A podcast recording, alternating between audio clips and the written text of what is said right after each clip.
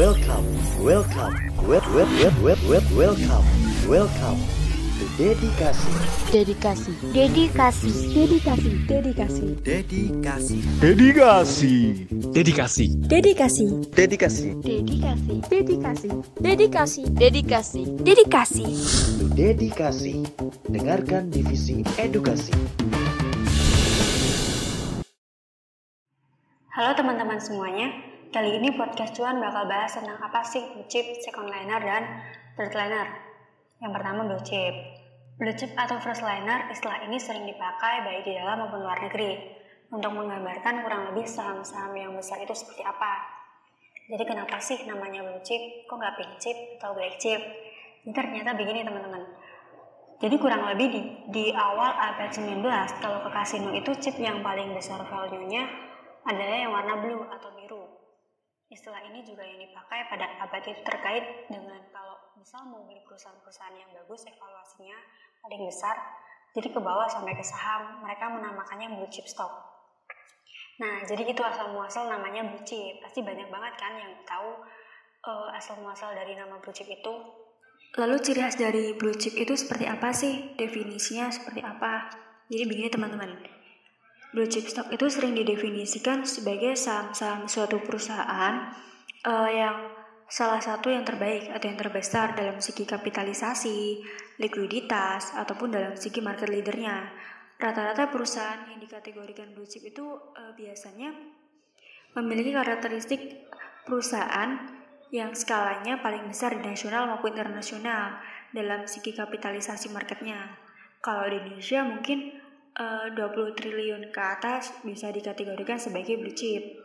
Karakteristik yang lain itu biasanya produk dan jasanya itu sering dikenal oleh masyarakat ataupun uh, rakyat di suatu negara, baik domestik maupun internasional. Uh, dan biasanya cenderung dia itu market leader di sektornya. Kemudian dari segi size perusahaannya juga besar dan memiliki karyawan yang cukup besar. Dan ini cenderung pertumbuhannya itu uh, slow. Dia itu pertumbuhannya pelan-pelan aja dan uh, perusahaan ini ada yang bilang bahwa seharusnya perusahaan ini lebih aman dibandingkan perusahaan-perusahaan yang lainnya karena uh, dia itu sudah market leader dan dianggap lebih aman. Kemudian dari segi size perusahaannya juga besar dan memiliki karyawan yang cukup besar. Dan ini cenderung uh, pertumbuhannya itu slow. Dia pertumbuhannya pelan-pelan aja dan perusahaannya ini ada yang bilang bahwa seharusnya perusahaan ini lebih aman dibandingkan perusahaan-perusahaan yang lainnya karena dia sudah uh, market leader dan dianggap lebih aman. Tapi beberapa juga ada yang tidak sependapat dengan karakteristik yang barusan.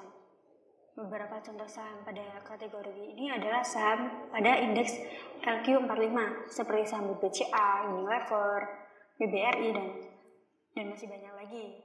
Selanjutnya kita bakal bahas saham second liner.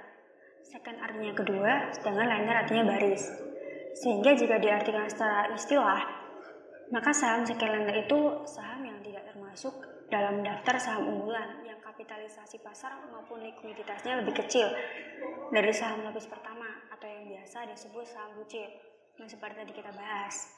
Selain dari sisi kapitalisasinya, antara saham second liner dengan saham blue chip juga memiliki perbedaan antara fundamental dan juga risikonya.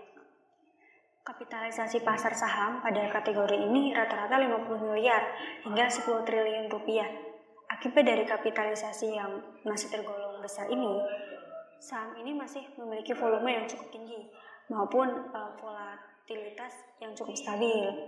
Contoh saham pada kategori ini itu ada PWON, ASRI, JPFA, dan lain-lain.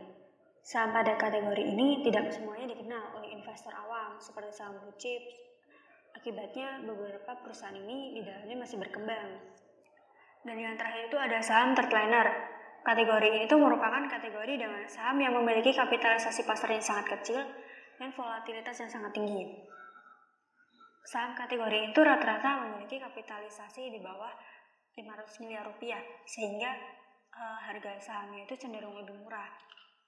Kinerja perusahaan saham di kategori ini tuh umumnya tidak mencerminkan harga sahamnya, dan hal ini disebabkan harga saham yang mudah dimanipulasi dengan uh, transaksi yang tinggi atau uh, biasanya para investor itu menyebutkan dengan saham gorengan.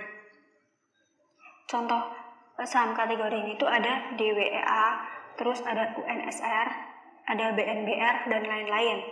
Masih banyak lagi.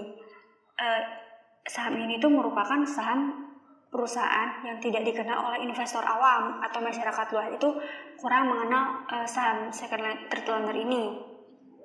Hal itu menyebabkan perusahaan yang umumnya memiliki kinerjanya kurang baik atau masih berkembang. Nah, gimana nih teman-teman? Pembahasan kali ini seru banget kan pastinya. Uh, pengkategorian itu uh, dapat membantu para investor untuk memilih saham sehingga portofolionya itu baik dan terhindar dari saham-saham yang dapat merugikan. Namun kan itu kembali lagi ke manajemen uh, resiko investasi yang diterapkan oleh setiap investor pastinya. Dan aku punya kata-kata mutiara nih dari Robert Kiyosaki.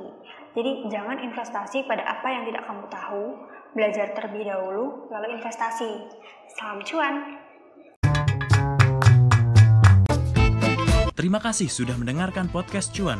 Dukung terus lewat Instastory di Instagram kamu dan share pada orang terdekatmu agar lebih banyak yang mendengarkan. Let's learn about the capital market on the Cuan podcast available on Spotify.